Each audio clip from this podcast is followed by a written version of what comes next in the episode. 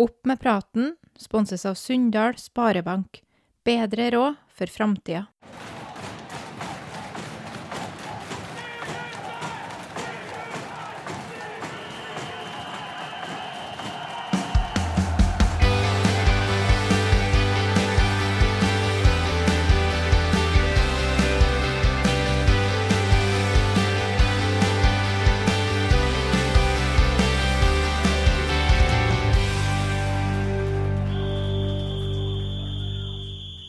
Hei og velkommen til Opp med praten.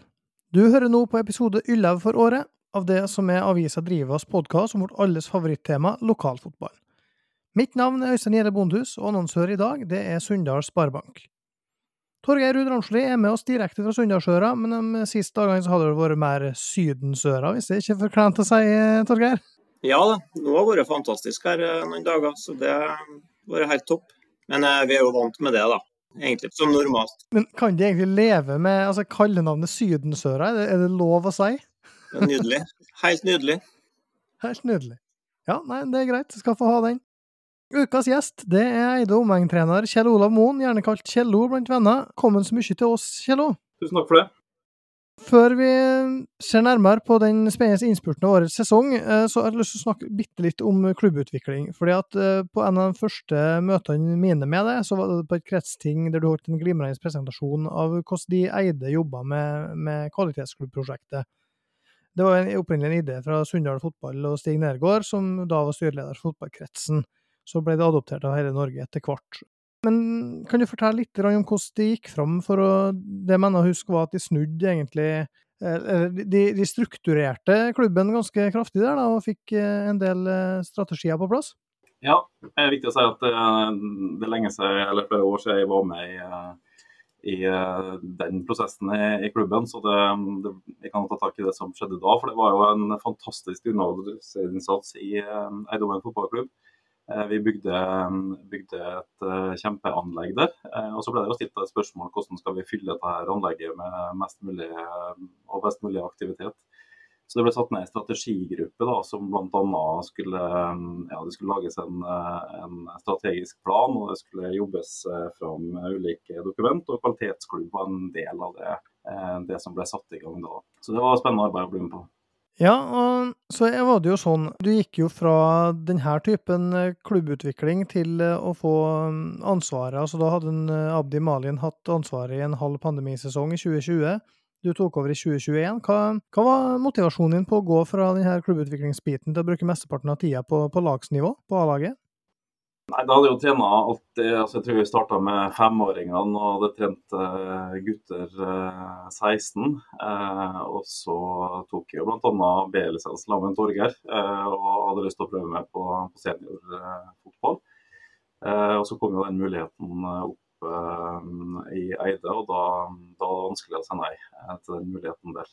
så da ble det ja, det tredje året nå som A-lagstrener. Ja, Torgeir, i og med at du kjenner Kjello etter at de tok B-kurs i lag, hva, hva, type er det her egentlig? Førsteinntrykket jeg fikk eh, når jeg møtte han og ble kjent med han godt der, da, så er det jo at uh, du merker jo med en gang at du snakker med en, uh, en intelligent person da, som er veldig skarp. Det er jo ikke noen overraskelse i forhold til den hva skal jeg si, sivile karrieren og ser CV-en han har der med de ulike jobbene han har hatt og jobben han har nå. Nå kjenner ikke jeg han så godt som fotballtrener, Eh, men du merker på en måte at du snakker med en person som er reflektert og kan mye om mye. da. Jeg har evnen til å diskutere uansett hva det skal være, om det er fotball eller andre ting. Eh, jeg er jo litt nysgjerrig på hva skal jeg si, trenertankene. For sånn som jeg ser det, så har de jo prøvd litt forskjellig. Eh, både hva skal jeg si, formasjoner og strukturer og måten å spille på. Om det er tre bak eller fem bak, eller om det er to spisser eller tre foran, eller om det er hengende spiss. eller så virker på meg som at det er en trener som eh, i hvert fall ikke er redd for å prøve litt forskjellige ting. Nå har de egentlig fått litt breis på laget, nå ser det jo veldig bra ut.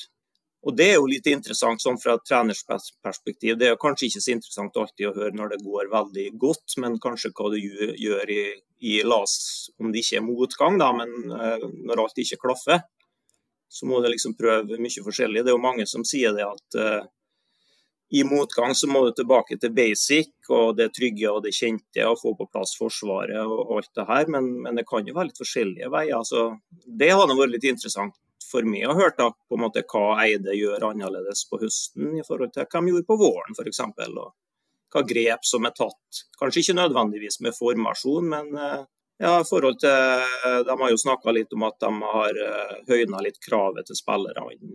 sånn, Da er det sikkert treningsoppmøte eller disiplinære ting eller rammer utenfor eller ja, hva det måtte være. Så jeg er jo litt nysgjerrig på den biten. Jeg, da. Ja, um, nei, det er sant. Det er rett som du sier, Torgeir. Vi har prøvd uh. Den første sesongen så, uh, så, var det jo et uh, lag som um, Vi dro til Surnadal, den første seriekampen der på den halve sesongen. og hadde vel jeg tror det var seks som debuterte på seniornivå på, på Syltørene. og Så så vi jo da utover sesongen der at det, det, ble, det ble, tungt. og Vi, vi sleit den sesongen. og Det gjorde vel for så vidt i fjor, eller den sesong nummer to der òg. Um, I år så, så har uh, vi slitt uh, spesielt um, kanskje på hjemmebane. Vi ser jo Statistikken lyver ikke. Vi har sluppet inn veldig mye mål på hjemmebane. Uh, og tidlig i kampene så har vi gjort det. Og så har det, det sammensatt at vi nå har lykkes bedre. vi har fått inn og tilbake noen spillere fra skade og eh, på, hjemme på sommerferie og på, der de spilte egen klubb. Men Håkon har kommet inn i midtforsvaret og stabilisert der. Lasse er tilbake etter å ha vært skada og syk hele, hele vårsesongen. Ruben er tilbake etter å ha vært skada eh, gjennom hele vårsesongen. Og så, ja, Vi har eh, stilt krav, og det er litt med konkurransesituasjonen i laget. at Så lenge det er konkurranse og vi har den troppen som vi har nå, så kan vi stille krav. Vi som trener kan si at gjør du ikke kampplanen slik som du har fått beskjed om, så, så blir du bytta ut. og det, det, det, det, får en effekt inn i et lag, det. og Det har vi sett at spillere som har vært benka har kommet inn på etterpå og, og spilt veldig veldig bra. Og Når det gjelder formasjon, så er det litt uh, sånn som du sier, Torgeir, at det, det, er kanskje pragmatisk. Uh, det må passe på en spillergruppe vi har. og vi, vi har brukt et ganske stort antall spillere.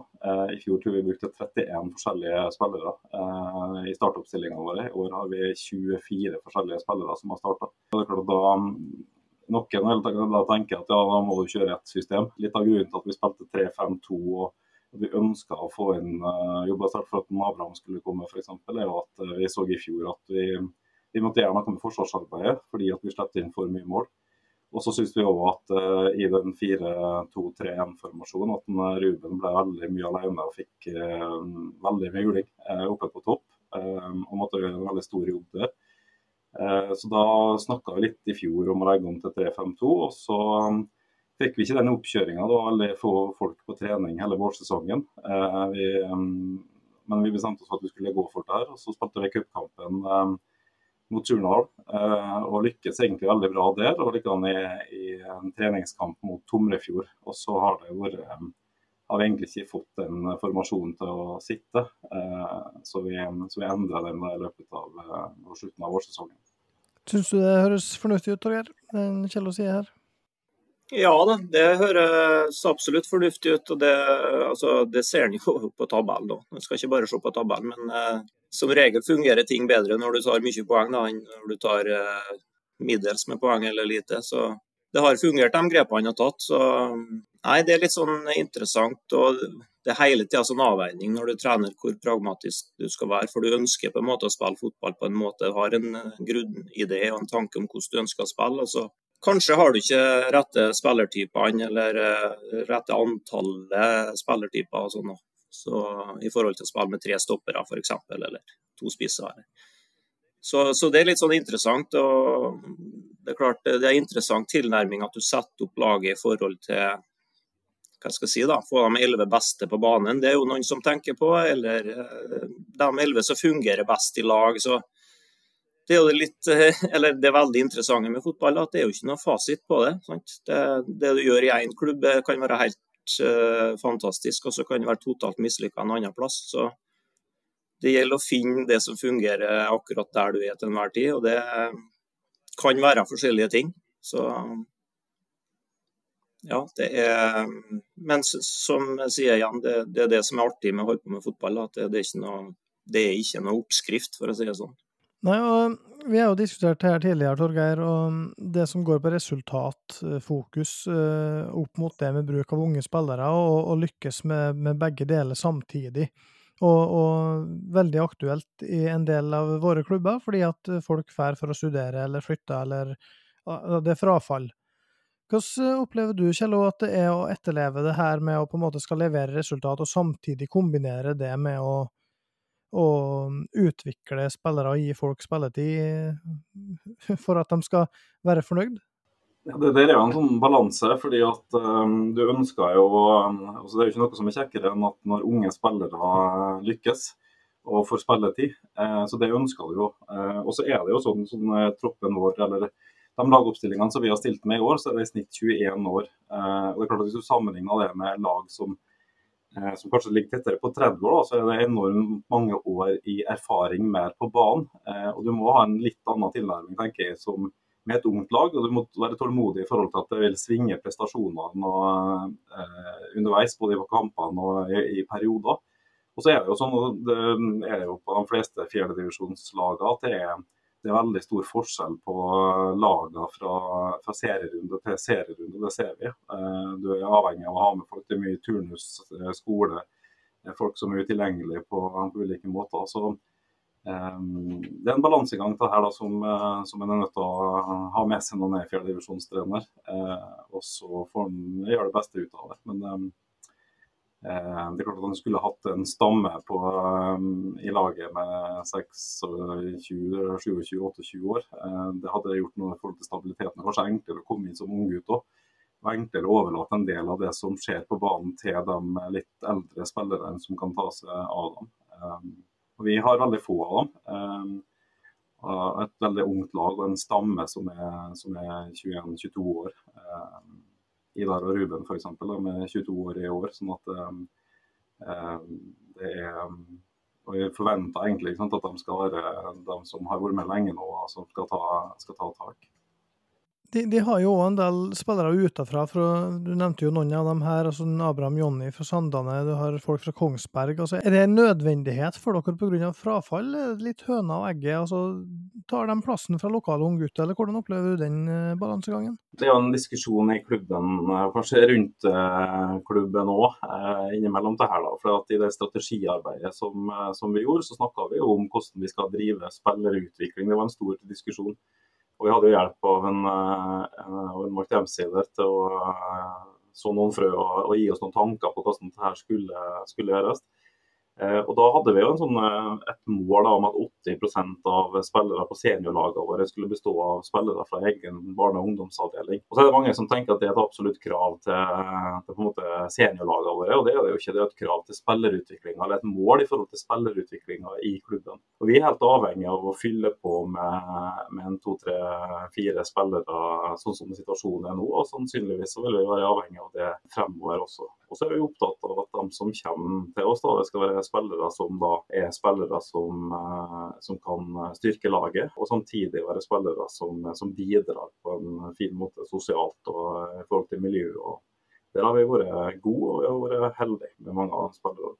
Du har jo gitt klubben beskjed om at det her blir din siste sesong som hovedtrener, ehm, og de er til det jeg forstår i gang med å se på erstattere. Altså, hva tror du blir nøkkelen for at Eide skal fortsette den fine trenden som er i nå? For de, de, de, uansett hvordan de fire siste kampene her går, nesten, så, så vil høstsesongen her ha vært en, en suksess for dere. Altså, alt ligger til rette for at det iallfall i en evaluering vil, vil se på høsten som positiv. Hva, hva skal til for å fortsette inn mot 2024?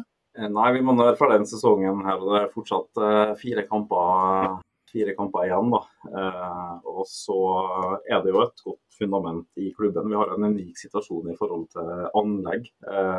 Og mye som er på plass i, i, klubben her. Og noen spillere som, som er lokale og som er veldig gode. og som nevnte Idar Ruben og flere her. Eh, tenk så god han blir når han blir 27-28 og får være med på dette her eh, i mange mange år til. Så Det er et godt fundament eh, i klubben her. Og så tror jeg at på alle breddeklubbene som er rundt omkring, at nøkkelen er å drive god spillerutvikling. Altså Du er avhengig av å fylle på med spillere fra egen ungdomsavdeling. og At det er trenere som gir de unge, unge spillerne ja, spilletid tidlig og klarer å balansere det på en god måte. Ja, og da er jo et spørsmål fra Kevin Hestholm her eh, på Twitter. Ønsker Eide seg opp en divisjon? Ja, det gjør vi. Eh, det er i hvert fall eh, det som det snakkes om i garderoben. Nå, må vi holde, holde koken. Og så er det noen som prøver å holde folk igjen da. Og så er det mm, fire kamper igjen. Vi har Misund nå på fredag, og så har vi Tomrefjord og treff. Så ja, vi har noen seire i bagasjen nå, men vi har vært heldige i hvert fall to av kampene kampene der. Og så er det jo um, en diskusjon det her med opprykk i fjerdedivisjon. Jeg har hørt uh, dere begge to har snakka om det på tidligere podkaster. Det må i hvert fall være sånn at en som vinner fjerdedivisjon, han må ville ønske opp.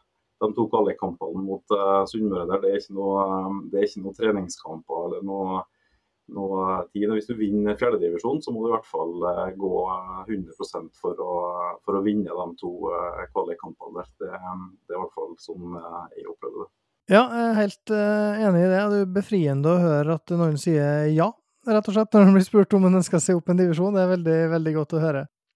Et spørsmål. Hvis du helt uavhengig av egen tropp skulle vært fra de andre fjerdedivisjonsklubbene, da er det ikke sånn at du har allerede så gode angripere at du, du trenger ikke angripere, f.eks., helt fra, fra scratch. Hvis vi får velge det tre spillere fra andre lag for å bygge et lag rundt, hvor hadde du begynt da? Farlig her, Øystein. For du sitter vel sikkert noen spillere og tenker at det er være noen andre i stedet for, eh, for, eh, for, dem. da. Jeg er veldig fornøyd med den gjengen som vi har, eh, har nå. Og så møter vi en spiller forrige fredag, en Jonas Frøner, som er en fantastisk god spiller. Han er livsfarlig på det aller meste. Han er god med begge bein. Han er rask på korte spurter og lange spurter, så det er jo en spiller som som er de aller, aller beste i, eh, i fjerde divisjon. Det er ikke noe tvil om. Men det var flere.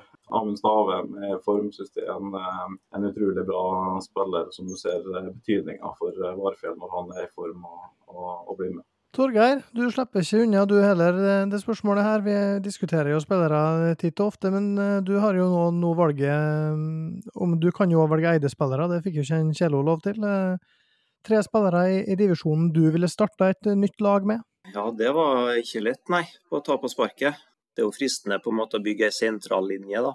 Men eh, på keeperplassen så syns jeg egentlig ikke det er noen som skiller seg veldig ut. Det er kanskje ei gruppe på en tre-fire-fem keepere som, som, er skikkelig bra, men eh, det er vanskelig å komme unna sånn som en Kossberg, da. F.eks. Hvis, hvis han er i toppform og, og, motivert, på en måte, og ikke er på nedtrappingsmodus, så er det, så er det vanskelig å, å unngå han. Og så er det vanskelig for meg å unngå Ruben Toven, som, er, som i form er den, er den, klart beste spissen. Da tenker jeg ikke på, på at han skårer kanskje mest mål, for det gjør kanskje en Frøner. Men eh, i forhold til at jeg har sett den på høyere nivå eh, for Spjelkavik og var meget, meget god der, så vet på en måte at han har nivået inne. Så de to, og så kanskje en, eh, en, skikkelig god midtbanespiller. Og kanskje Tore Næss i Surndalen. Tippa kanskje at det har gått for dem tre. ja, nå, nå, er det tegn på at vi har hatt podkast i lag for lenge, Torgeir, før jeg hadde kommet til å ta Jeg tenkte på akkurat de tre samme. Men da, da får vi nå bare tenke at vi er relativt enige om de tre gutta der.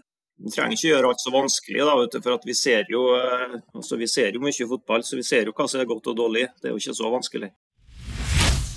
Opp med praten sponses av Sunndal Sparebank. Bedre råd til å spare.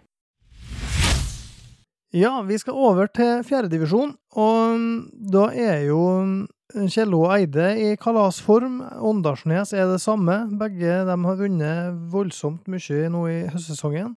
Før eh, sending så kjærer vi ut en Opp med praten-kupong til lytterne våre, og i løpet av få timer der så har vi fått eh, rundt 100 svar. Så det er tydelig at det, både, det at det er åpent og spennende helt inn, gjør at engasjementet er, er veldig stort, og det syns vi er kjempeartig vi, vi sporer jo der hva tre lag vi tror ender topp tre i fjerdedivisjon. Og der har 94 av 96 tatt med Surndalen, mens eh, treff 2 er nummer to med 70% mens 50 eh, tror på Dale. 38% tror på Tomrefjord i topp tre. 37% tror på Kjell og Eide. Det betyr at eh, det er tre som har svart at Sunndalen blir topp tre, Torgeir. Du så dem nå sist mot uh, Kleive, og der snudde de trenden etter uh, en dårlig periode her. og Nå venter Malmefjorden hjemme neste kamp. Muligheter til å ta med seg seks poeng inn mot Surndalen kampen etterpå. Hva tenker du om uh, det Sunndalen står overfor nå siste rundene? Nei, Jeg må bare prøve å berge sesongen med litt stolthet. Prøve å ta poeng mot dem de skal ta poeng mot. Men uh, noe topp tre blir de ikke, nei. Det jeg føler jeg meg ganske sikker på. Jeg legger jo ikke lista på Gjelseth Kleive hjemme, da, med, all respekt for dem. Så det er jo et lag du skal slå. Mye mer òg, egentlig. Jeg syns de bekrefter i den kampen hvorfor de ikke er et topplag. da i forhold til tempo, intensitet, aggressivitet i forsvarsspillet, omstillinger både til begge veier. tenkt å si. Så eh, Gjelseth er jo eh, i hvert fall ganske snart et, et femtedivisjonslag. Uh, Yppa seg litt i starten og var en par ganger alene med keeper og sånn, og kunne faktisk tatt ledelsen, men uh, udyktig foran mål. Og når Sunndalen skåra, så var det jo den uh, egentlig kampen i boks, da. Så det var en fullt fortjent seier og kunne ha vunnet litt mer og var snytt for en straffe og litt sånn, men eh, det var en kamp på veldig, med veldig lavt eh, tempo, for å si det rett ut. Og litt skuffa over at Sunndalen ikke greier å skru opp litt mer og virkelig kjøre over eh, Gjelseth, for det syns jeg faktisk ikke de gjør. Så eh, jeg ser hvorfor det har vært lite poeng i det siste, og hvorfor de ikke tar poeng mot det øvre halvdel eh, lag da, så ofte lenger. Så vi får prøve å fullføre litt med stil og få en, en par seire. Så jeg tipper de blir nummer seks der de vel ligger nå. Ja, jeg var på Syltørene og så Surnadal mot Elnesvågen, og fikk vel egentlig se der i stor grad den kampen jeg forventa å se. Surnadal eh, hadde mest ball. Elnesvågen eh, er et ungt lag, springer mye, jobber godt. Er vanskelig å, å bryte ned, for de er godt organisert. Eh, så, så det krever på en måte både litt ja, litt flaks, og, og, noen øyeblikk der rett og slett kvaliteten er, er hakket høyere i, i Surnadal. Det var jo det som til slutt ble avgjørende. Um, Elnesvågen var ikke spesielt farlig framover, det må, så ærlig man være. Ikke spesielt farlig på kontringa, og, og, det har jo da blir det veldig langt fram til mål på, på Syltørene, som er en lang bane, når du ligger såpass dypt som de ble spilt av Surnadal. Det var jo noe helt annet når det, når, når Kjell og Eide var på besøk, så har du jo på en måte Ruben Tove, Toven og Inderberg og Jonny som kan eh, da, da, er det jo livsfarlig når du får ballen opp dit. Det var ikke det eh, på Elnesvågen, og det, det tror jeg Surnadal òg kjente litt på, selv om eh, de spillerne jeg snakka med etter kampen, de, de, følte at de hadde fått eh, god kamp av Elnesvågen, og, og, at det var et spillende lag som de, de likte å spille mot. Syns det, det var en artig kamp å spille. Jeg syns ikke Surnadal skaper all verden. Jeg synes kanskje, hadde kanskje forventa at de skulle skape litt mer sjanser, men kred til Elnesvågen for det. Et, et veldig fint mål av Sindre Hyllbakk Kvande på 3-0. Men uh, utover det så, så savna jeg litt, uh, litt, mer Og det, det, har kanskje vært litt sånn Surnadal i hele år. De er solid, jevnt over solid. Når Sander Smevor har spilt bak, så har de stort sett vært solid bakover. Holdt nullen i 9 av 13 siste. Det er veldig bra på det nivået her. Det er ikke mange som holder nullen veldig ofte. Du ofrer jo samtidig noe framover, da, når du setter han bak. Men for all del. Må huske nå at det prata om, om, det som nå er serielederen. De vinner 3-0, har full kontroll. Gjør en eh, godt uh, gjennomført profesjonell kamp. Så det her er på en måte Hvis en skulle tatt det enda et nivå opp, så hadde de hatt mer å gå på offensivt. Defensivt så hadde de eh, få problem nå i helga. Så var det deres kamp, eh, Kjello, borte mot Dale. Det har jo vært eh, den vanskeligste kampen egentlig i år, det skulle en tro. Men eh, de kommer jo fra parken med tre poeng. Ja, vi kommer veldig godt i gang og har, kjører egentlig Dale i det første kvarteret 20 minutter. Og har fem ganske store sjanser og leder 2-0. Og så er det tre sjanser imot, og plutselig så leder Dale 3-2. Eh, og da skulle de kanskje satt eh, ett til òg, har en dobbeltsjanse der. Eh, som, som, de kanskje vanligvis setter. og så er det vi som er effektive og får to mål helt på slutten av, av første omgang og leder 4-3. Så det var en publikumsvennlig fotballkamp for dem som satt og så på. Det er ikke like trenervennlig og stå på sidelinja der og se på det alltid. Men eh, det var en god, jeg har alltid hatt en god kamp, eh, en kamp fra oss mot et, eh, et Dale-lag som, eh, som, jeg opplever er et veldig godt lag. Eh, som kanskje helt nå de siste kampene ikke har fått det helt til å sitte. da. Ja, og, og, det her var altså nok en seier for dere. så nå Med fire kamper igjen så har de jo gått fra det som så ut til å være på en måte en hederlig nok plass på øvre halvdel, til å bli for alvor inne i toppkampen. og Det er jo ett av fem lag her nå som leserne og lytterne tror er helt oppi der når sesongen er ferdig. Hva, hvor skal det her ende for Eide i år? Det er fem, altså fire kamper igjen og fem poeng opp, så vi skal ikke ta av. Eh, vi, for at vi, Både mot Surnadal og mot Dale så er vi heldige, syns jeg, som, eh, som var gode. Eh, som, som, får med oss tre poeng. Den inni Surnadal den henger høyt. Det er vanligvis vanskelig for oss å ta, ta poeng. Og så har vi en Misund nå på, på, fredag. Det blir en vanskelig kamp. Jeg regner med Misund har lyst til å revansjere det som skjedde på deres hjemmebane etter at de skåra fryktelig mange mål. Så klarte vi eh, å dra av gårde derifra med en 1-0-seier. Eh, det ble vi spilt veldig lavt og måtte legge oss og var sliten eh, ganske tidlig. Og så har vi en Tomrefjord og treff. Og så er det jo litt artig for oss at vi også har en finger med i spillet på nedrykkskampen når vi skal møte Hjelset borte i neste siste kampen. ja, det, det, er jo litt artig å se, fordi at uh, der er det jo Elset Kleive og Malmefjorden som uh, kjemper om å unngå denne sisteplassen, som vi vet gir nedrykk. Det kan jo være at begge rykker. De har en teoretisk mulighet til å ta igjen Vestnes Varfjell, men ingen av de rundt 100 som har svart på vår undersøkelse, tror at uh, Varfjell blir tatt igjen. Og Det som er interessant, er jo at 66% tror at det er Gjelset Kleive som ender sist. Hvor, hvor endte du eh, opp der, hvis du ser på det du har tippa, Torgeir? Hvem eh, tror du ender sist i år? Nei, Jeg tror uh, Gjelseth Kleive ender sist. da. Jeg tror ikke de får mer poeng, for å si det rett ut. De skal jo møtes innbyrdes, de to lagene. Og jeg tror Malmefjorden tar dem hjemme og går og sniker seg forbi. Jeg tror heller ikke de får noe mer poeng enn det. da. Nei. Så... Men det er nok? Kan være nok. Det kan være nok. Så er det jo litt interessant å se at eh, både treff 2, eh, Tomrefjord, som eh, starta sesongen relativt middels Nå, Du snakka jo om det her at Misund har skåra mange mål, Kjell, Kjello, og Tomrefjord reiser til Misund med ei trebackslinje med en eh, Onsdag og en Kåsberg og en Brakstad. Tre rutinerte, solide herremenn, og slipper inn null mål, vinner 3-0. Gravdehaug er jo da henta hjem, og fikk merkelig nok sitt fjerde gullkort om å stå over akkurat mot Gjelseth. Nei da, vi skal ikke spekulere i det, men eh, han har iallfall fire gule om å stå over neste gang. Men skåra sjølsagt igjen, da, Daniel Gravdehaug. Og det, det, er en bra spiller, Kjello. Ja, Daniel er god. Eh, så var jeg på Misund og så Misund Tomrefjord. Eh, jeg syns Misund hang veldig godt med. Eh, Tomrefjord tok jo tidlig ledelsen der, og da er Tomrefjord vanskelig å slå. De har, eh, det er et lag som alltid ligger i balanse eh, og skårer på sjansene sine. Og Så var han kanskje heldig på 2-0 i mitt hode. Og Misund får et gult kort, og det var det eneste som hadde tre gule kort fra før.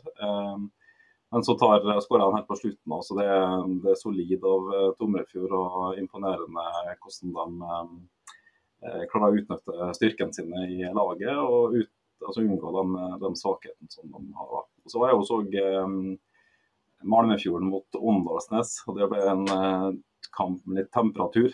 Um, og Der henger Malmefjorden og tar ledelsen henger Malmefjorden godt med. Uh, men så den siste kampen så Gernesågen mot Malmefjorden òg. Det, det, skjer jo nå på rundt 60 minutter med Malmefjorden, og da detter de litt sammen og gjør noen bytter og sånt som, som gjør at de blir de blir sliten og det blir tungt på, på slutten. da.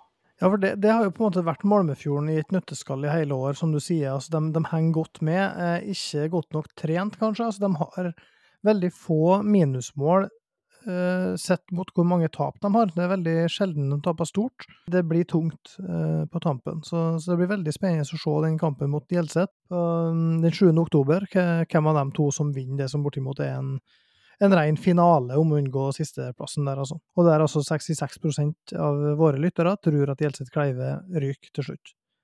Vi kan se litt på det tipset som vi har eh, tippa, Torgeir. For jeg og du har jo gått uh, gjennom og tippa utfallet ved alle de gjenværende kampene i fjerde divisjon. Plotta dem inn i det som uh, må si en glimrende Excel-modell laga av Averøya eller Bådalens bokstavelig talt store sønn Bjørnar Nedal. En slepen, temposvak høyrekant med en meget bra høyrefot.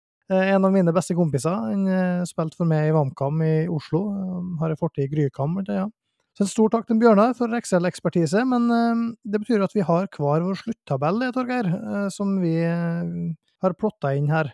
Og bunnen har vi, har vi, på en måte sett på. Hvem er din, din seriemester etter 22 runder, hvis det går sånn som du har tippa i de fire siste kampene? Nei, det er jo et sørgelig skue, da, for der er jo Surndalen på topp. Så det er jo en fryktelig sluttabell. Men ja, jeg endte opp der. Ja, hvorfor det?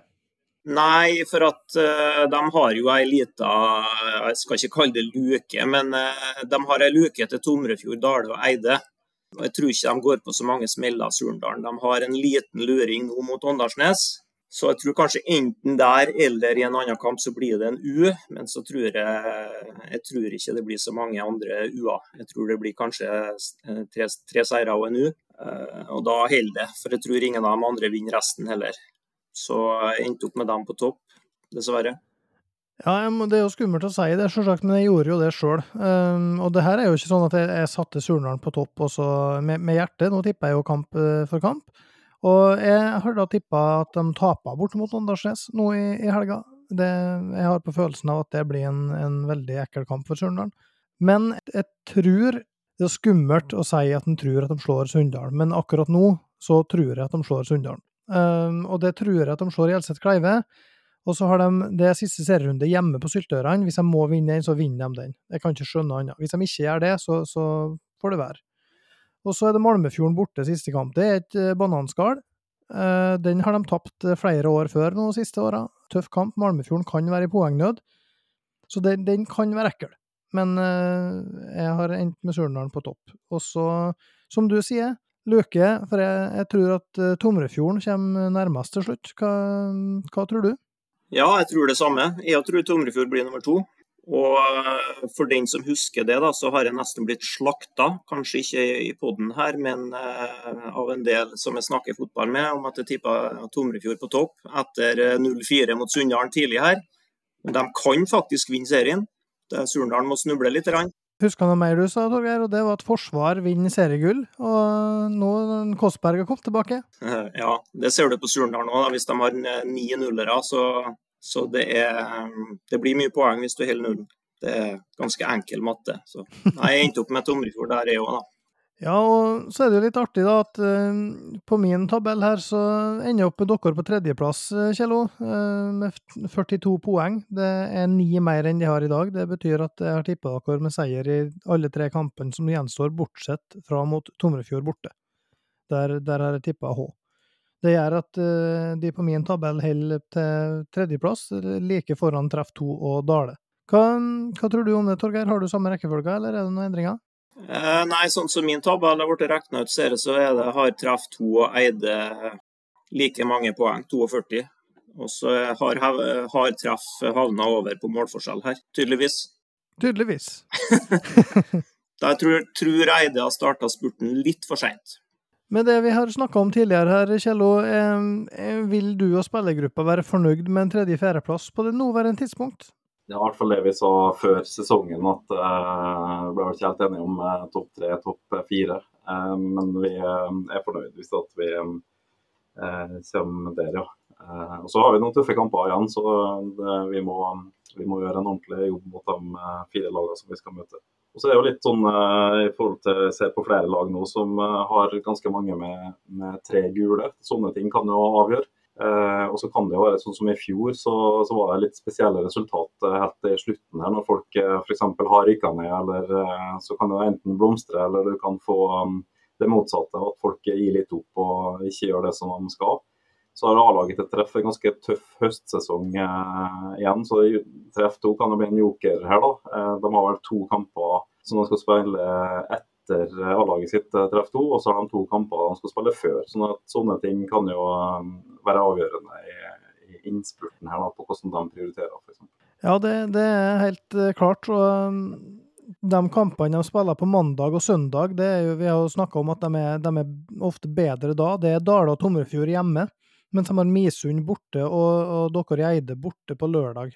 Så det, det, kan jo bli veldig spennende å se hva lag som, som stiller da. Men det er jo et, et godt juniorlag å treffe da, så de, de eh, stammen i treff to er, er, bra, mer enn bra nok til å bite fra seg. Men det er to bortekamper som er tøffe, som de skal ta poeng i hvis de skal hevde seg helt i toppen i år. Sånn er jo litt i bunnstriden nå i forhold til røde kort, nei, gule kort. som Malmefjorden nå røker på to gule kort, som gjør at det er to viktige spillere som er borte neste kampen. Og så har de to-tre andre spillere også, som, eh, som, er veldig viktige for laget, som, eh, som, står med tre gule kort. og Sånne ting eh, kan fort bli avgjørende i innspurten med, hvis du er få spillere fra før. Det gjelder alle lagene, både de, de beste og de, de som sliter litt mer. Ja, iallfall vi som, som syns det er fint med litt blått på toppen av tabellen. Det, vi, vi, så jo at Ronald Paiva sto jo med tre gule kort eh, før Malmefjorden-kampen. og det er klart at eh, Hvis det var temperatur i den kampen, så hadde jo ikke gjort noe med Surndalsevå om han sto over, for han har vært i vanvittig god form i det siste og skåra bøtta inn mål. Har jo sust oppover toppskårerlista. Både han og Nedvin Sæter er jo i storform nå før de skal, skal møte Surndalen på, på hjemmebane. I tillegg så har Åndalsnes eh, holdt nullen etter eh, så var det første kampen etter at de eh, tapte 5-2 mot oss, at de slapp inn mål nå mot Malmöfjord. Så de har jo tetta igjen bakover godt de siste kampene.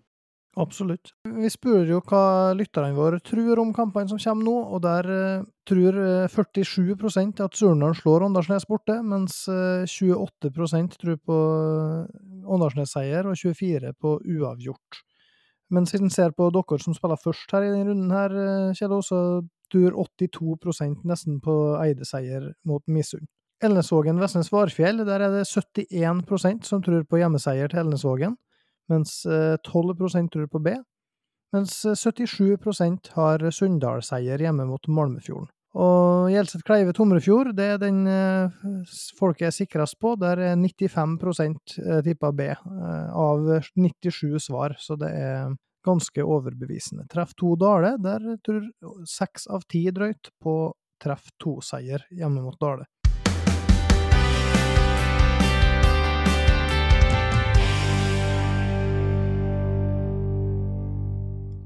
I femtedivisjon så er det klart at eh, Gossen rykker ned til sjettedivisjon etter seks sesonger oppe. Det er jo hvis eh, nok lag i sjettedivisjon velger å, å, ta opprykket. Det har jo ikke alltid vært eh, saken, for Gossen har jo vært sist i femtedivisjon før og berga. Så er jo knytta spenning til hvem det er som følger dem ned, eller hvem som følger dem ned hvis det må til. Altså hvis nedrykk opprykk oppover i divisjonene tilsier at to lag går ned. Og der er det litt delt mellom eh, lytterne våre. For eh, per i dag, det er MSI, det er Eidsvåg, Eresfjord, Vissdal, de står på 13 poeng nå. Måndalen står på 14, Rival står på 15. Og der tror 41% at MSI eh, blir nest sist. Eidsvåg har 20% og de to andre er på 18 og 19, så det er ganske jevnt. Der må jeg bare si at eh, jeg tror at eh, per, per, nå, hvis jeg skulle satt pengene mine på noe, så ville jeg trodd at uh, det er rival som får det tøffest. Um, de er dem som færrest lyttere tror på, men jeg skal forklare det kjapt. MSI har igjen Gossen hjemme i siste kamp. Vinner de den, så står de på 16. Eidsvåg har igjen Gossen. Vinner de den, står de på 16. Rival har 15 nå. Har igjen Måndalen borte. Dale 2 hjemme og AK borte. Det betyr at uh, Måndalen mot rival blir en nøkkelkamp. Måndalen har igjen KFK CFK borte, og Molde 3 på hjemmebane. De kan ta poeng mot Molde 3 på hjemmebane. Tror de taper borte mot KF, som kommer til å rykke opp. Og så er det nøkkelkamp, da. Eh, Måndalen rival. Måndalen har hjemmebanefordel. Hvis de vinner den, så blir rival stående på 15, tror jeg, og blir forbigått av de andre tre lagene. Det er min eh, logikk. Følger du den, Torgeir? Ja, det er for å si som sier så her ekspertene i sånne Oslo-podkaster, TV 2 og forskjellig, at det er fasit. fasit. Det er ikke hver dagen for, for en sunnharding at den kommer med fasit. Nei, det, det Nei, men jeg så den kampen eh, jeg så den kampen MSI Gåsne òg, ja. Og den eh, De som har igjen Gåsne, vinner jo, så jeg følger det på den. Yes, og så er det jo litt altså Det er jo ikke spenning. AK har allerede avgjort. Eh, kommer til å rykke opp. Eh, KFK, CFK og Dale 2 er de eneste lagene som har mulighet til å bli nummer to. Dale 2 er avhengig av at Dale A går opp. Per nå så er ikke Dale i posisjon til det. Da må det skje noe Altså, det må skje noe. De er fire poeng bak Surnadal, bare, men det er tre lag imellom. Og et Eide-lag poenget bak som er i enda bedre form enn Dale. Så og Dale har heller ikke noe kjempeenkelt kampprogram igjen. Så per nå så ser det ut som at uh, vi kan ønske en Grego og KF uh, opp til fjerdedivisjon igjen neste år. Og det, det har òg 95% av dem som har tippa hvem som går opp, trodd på. Vi spurte òg til slutt om hvem som blir årets kretsmester i sjette divisjon, og der var det jo litt uh, jevnere, men det var Kårvåg Havørn 1 som flest trodde på, 41% mens Frei fikk 33% av stemmene, og så Ekko Aurosen, som ser ut til å vinne den siste avdelinga, 11% Og det er jo store sjanser for at det er akkurat de tre lagene som skal gjøre opp om to plasser i femtedivisjon neste år. Da skal vi over til litt uh, lytterspørsmål. Det har kommet noen spørsmål til det, spesielt til det her, Kjello. Og um, vi må begynne med et som er, litt uh, morsomt her, da. Uh, fra Henrik, som jeg tror du kjenner godt. Eh, hvem har du redda først ut fra et brennende hus i valget mellom dine to sønner på laget eller en Ruben Toven i form, og hvor langt ned på lista kommer vi egentlig?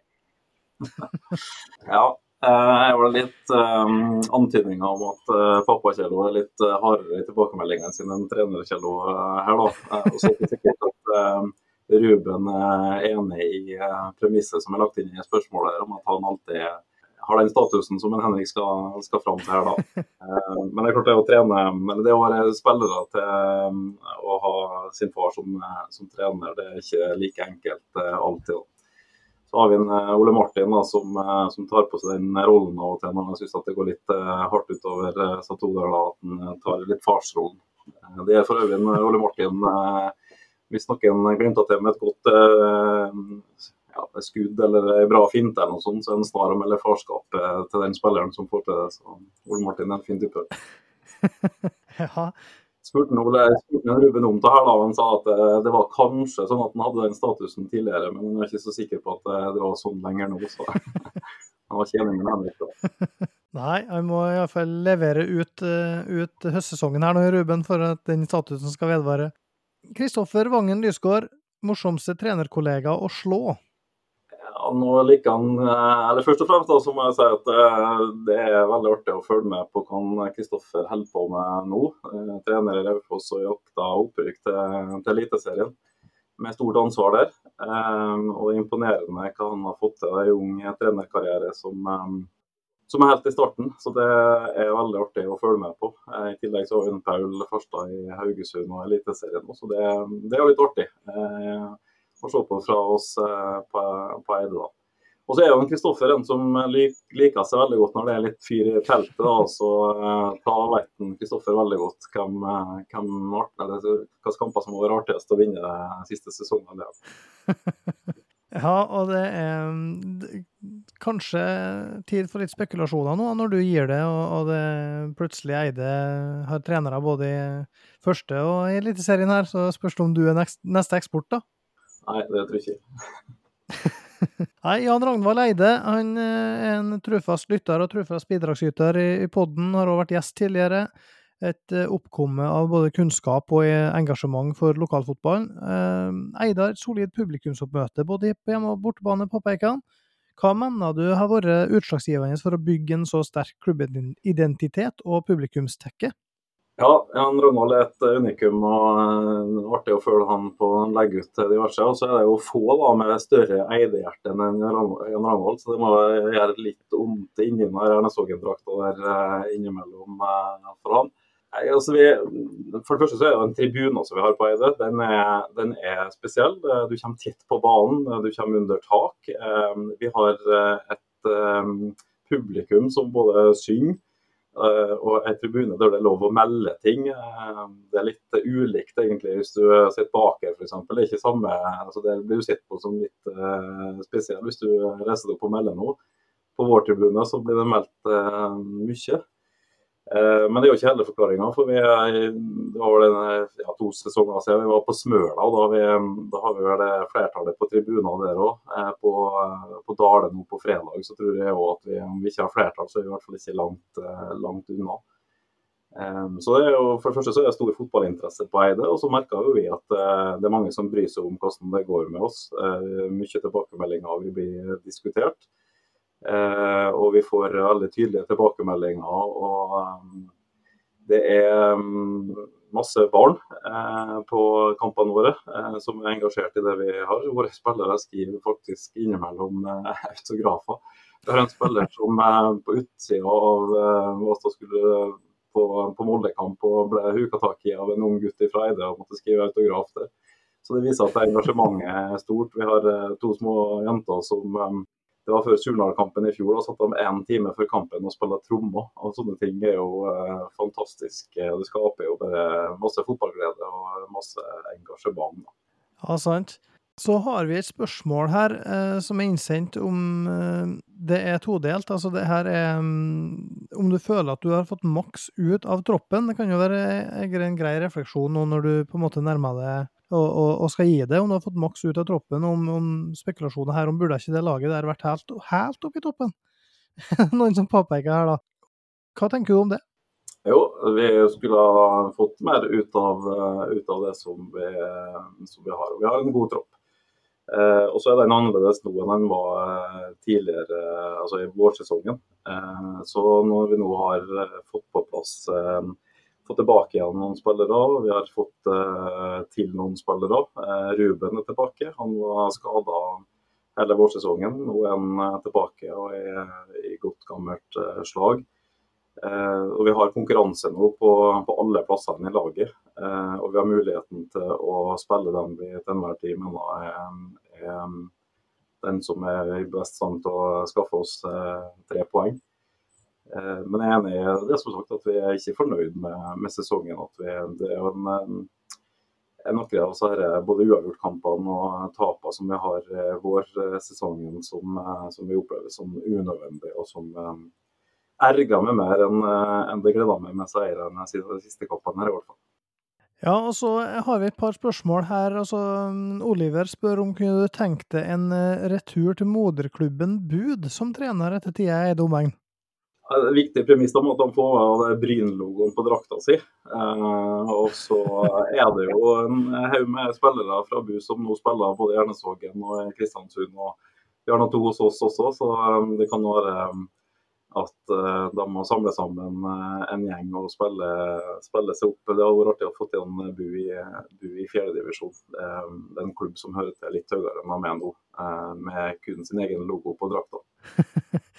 Ja, Kasper Vestavik lurer da i forlengelsen av det på hva var høydepunktet ditt fra tida i bud? Nei, det var så, I hvert fall på seniornivå så var det, det var kort, og det var ikke noe, noe store ferdigheter å, å, huske på. Så gode minner fra, fra, fra BU. Eh, men jeg ga meg tidlig eh, med å spille fotball. Eh, jeg tror jeg var 18-19 år når jeg fant ut at det her, det her var, hadde ikke noe framtid. Nei, det har heller ikke denne eh, episoden her. For nå er vi kommet til veis ende i dagens episode av Åpen praten. Takk til alle som har hørt på, og takk til Kjell Olav Moen for at du var med oss. Masse lykke til i den spennende innspurten med de fire kampene som står igjen. Tusen takk. Og takk også til deg, Torgeir, som skal få lov til å svare på et siste spørsmål her. Fikk det fra min kjære søster Heid Snekkvik etter at Surnadal tapte mot nettopp Eide for noen uker siden. Hvor lenge er det lov å være sur etter en fotballkamp? Nei, eh, til du går og legger deg samme kveld, tenker jeg. Det syns jeg var kort. Neste dag må du se framover. Det nytter ikke å dvele for lenge. Men at du er litt grinete og sur om kvelden etter du har tapa, det, ja, det har det vært mange ganger, og det må være lov, tenker jeg. Yes, og med de åra så sier vi takk for oss, men ikke fortvil. Vi er tilbake neste uke. Opp med praten sponses av Sunndal Sparebank. Bedre råd til å følge drømmer.